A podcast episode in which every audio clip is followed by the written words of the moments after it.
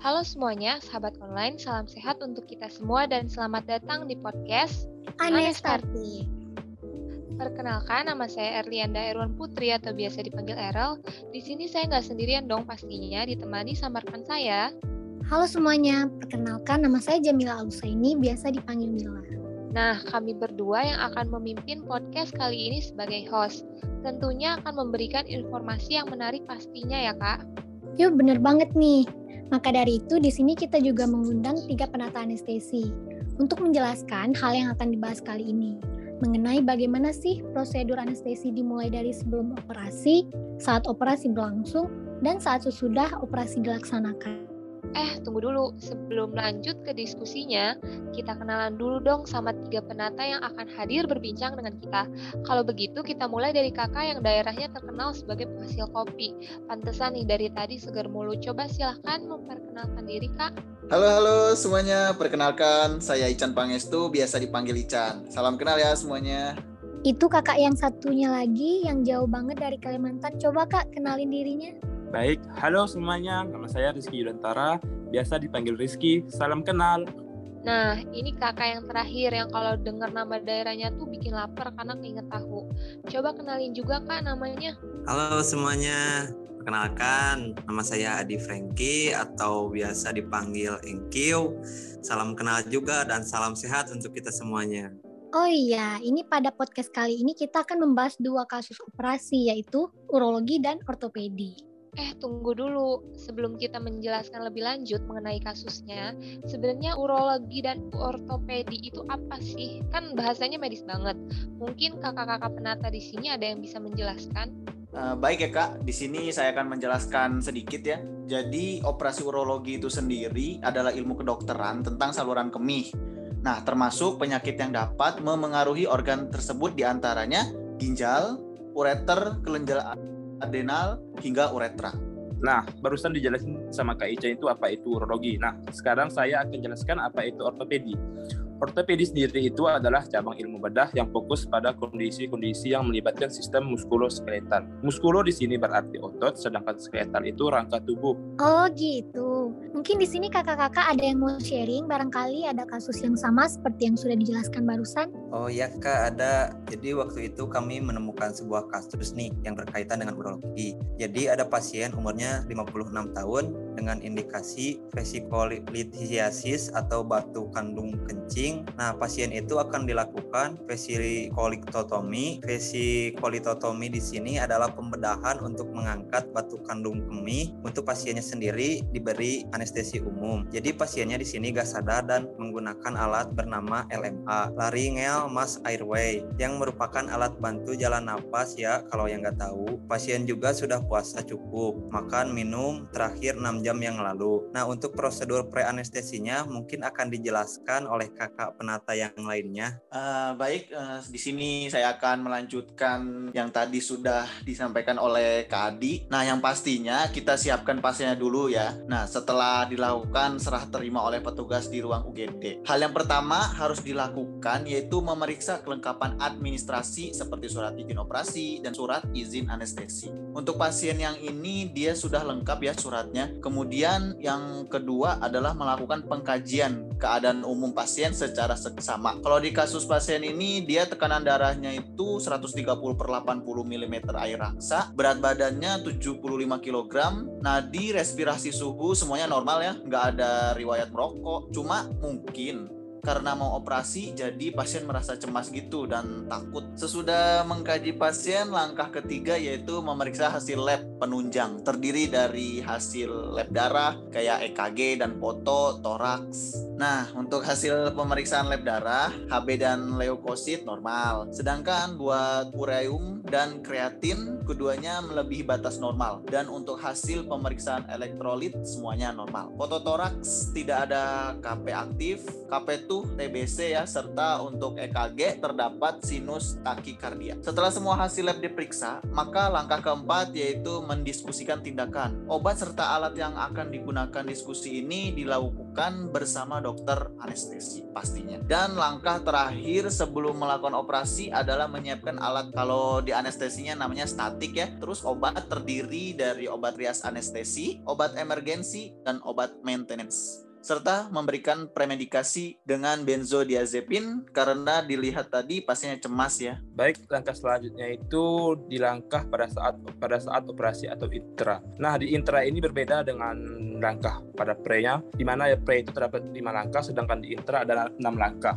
Yang pertama itu kita mulai pasien akan diinduksi menggunakan trias anestesi yang terdiri dari analgetik atau obat anti nyeri. Obat pilihan yang dipakai di sini yaitu pentanil. Kemudian setelah diberikan obat analgetik, kita beri obat hipnotik atau obat untuk membuat pasien tertidur. Obat yang digunakan untuk hipnotik sendiri itu yaitu propofol.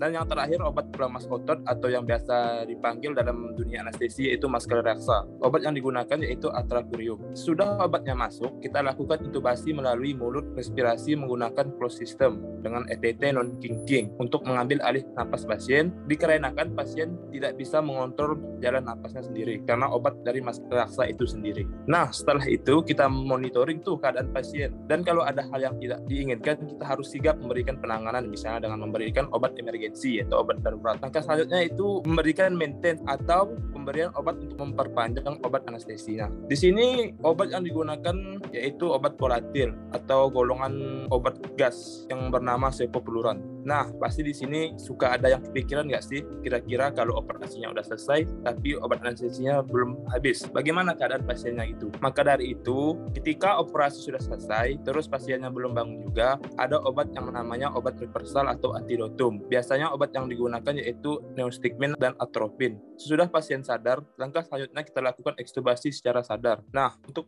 prosedur sesudah operasi kayaknya kakak EQ nih mau jawab dari tadi. Silahkan kakak EQ. Nah, terima kasih nih Rizky. Untuk prosedur pasca atau sesudah anestesi itu kan pasien dipindahkan ke ruangan recovery room ya. Di sana kita yang pasti harus tetap memonitoring pasien ya itu wajib soalnya. Kemudian kita konsultasi ke dokter anestesinya untuk pemberian obat anti nyeri. Kalau untuk bedah urologi sendiri biasanya diberikan anti nyeri via epidural kateter. Juga diberi obat ondansetron. Dan yang terakhir itu melakukan penilaian Aldred Score. Aldred Score ini merupakan penilaian yang dilakukan untuk menentukan apakah pasien dapat dipindahkan ke ruangan bangsal atau tidak. Ya paling gitu aja sih kalau buat bedah urologi. Wah panjang juga ya ternyata prosedurnya.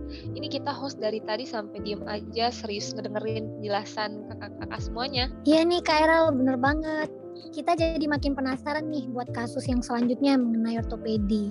Langsung aja nih Kak, buat kasus ortopedinya gimana nih? Untuk itu saya bisa jelaskan ya. Jadi waktu itu ada kasus yang sama untuk yang berda ortopedi di sini. Kami ada kasus seorang laki-laki. Nah, dia itu mahasiswa umur 22 tahun pas datang dari UGD pasien, terlihat kesakitan, ternyata jatuh dari motor dan tangan sebelah kanannya itu mau patah. Dilakukan reposisi tertutup dengan anestesi umum intravena. Nggak ada mual muntah sama sekali. Sebenarnya untuk prosedur sebelum anestesinya di sini kurang lebih sama kayak di urologi tadi. Mulai dari memeriksa apakah surat izin sudah disetujui atau belum, memeriksa keadaan umum pasien. Kalau pasien yang ini berat badannya 50 kg, tekanan darahnya 130 per 80 mm air raksa, nadi respirasi sama, temperatur normal, nggak ada riwayat asma, gigi dan mulut tidak ada kelainan, makan atau minum terakhir 6 jam yang lalu. Hasil pemeriksaan penunjangnya HB dan leukosit itu normal, foto torak juga nggak ada tanda KP aktif.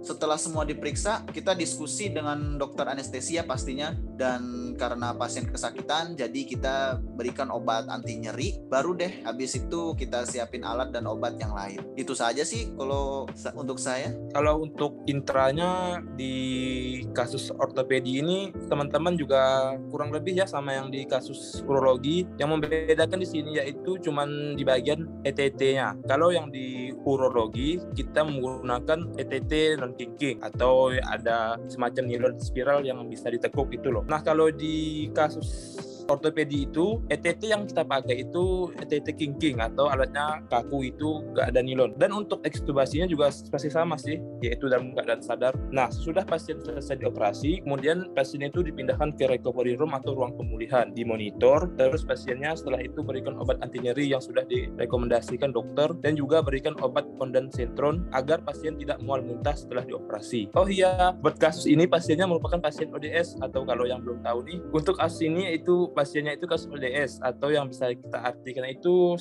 kayak semacam tindakan operasi terhadap kasus tanpa perlu rawat inap di rumah sakit. Jadi pasiennya bisa langsung pulang ketika selesai operasi. Kalau buat pasien seperti ini penilaian yang dilakukan berbeda dengan kasus sebelumnya. Kalau yang di urologi itu kan kita menggunakan Aldert score. Nah, kalau yang di ortopedi ini kita menggunakan sistem penilaian PADSS. Jadi ketika skor dari penilaian pasien telah memenuhi syarat, maka pasien sudah bisa dinyatakan langsung pulang. Itu aja sih untuk yang di intranya. Wah, ini nambah ilmu banget ya dari tadi, apalagi ada beberapa bahasa medis yang udah dijelasin juga sama kakak-kakak penata kita.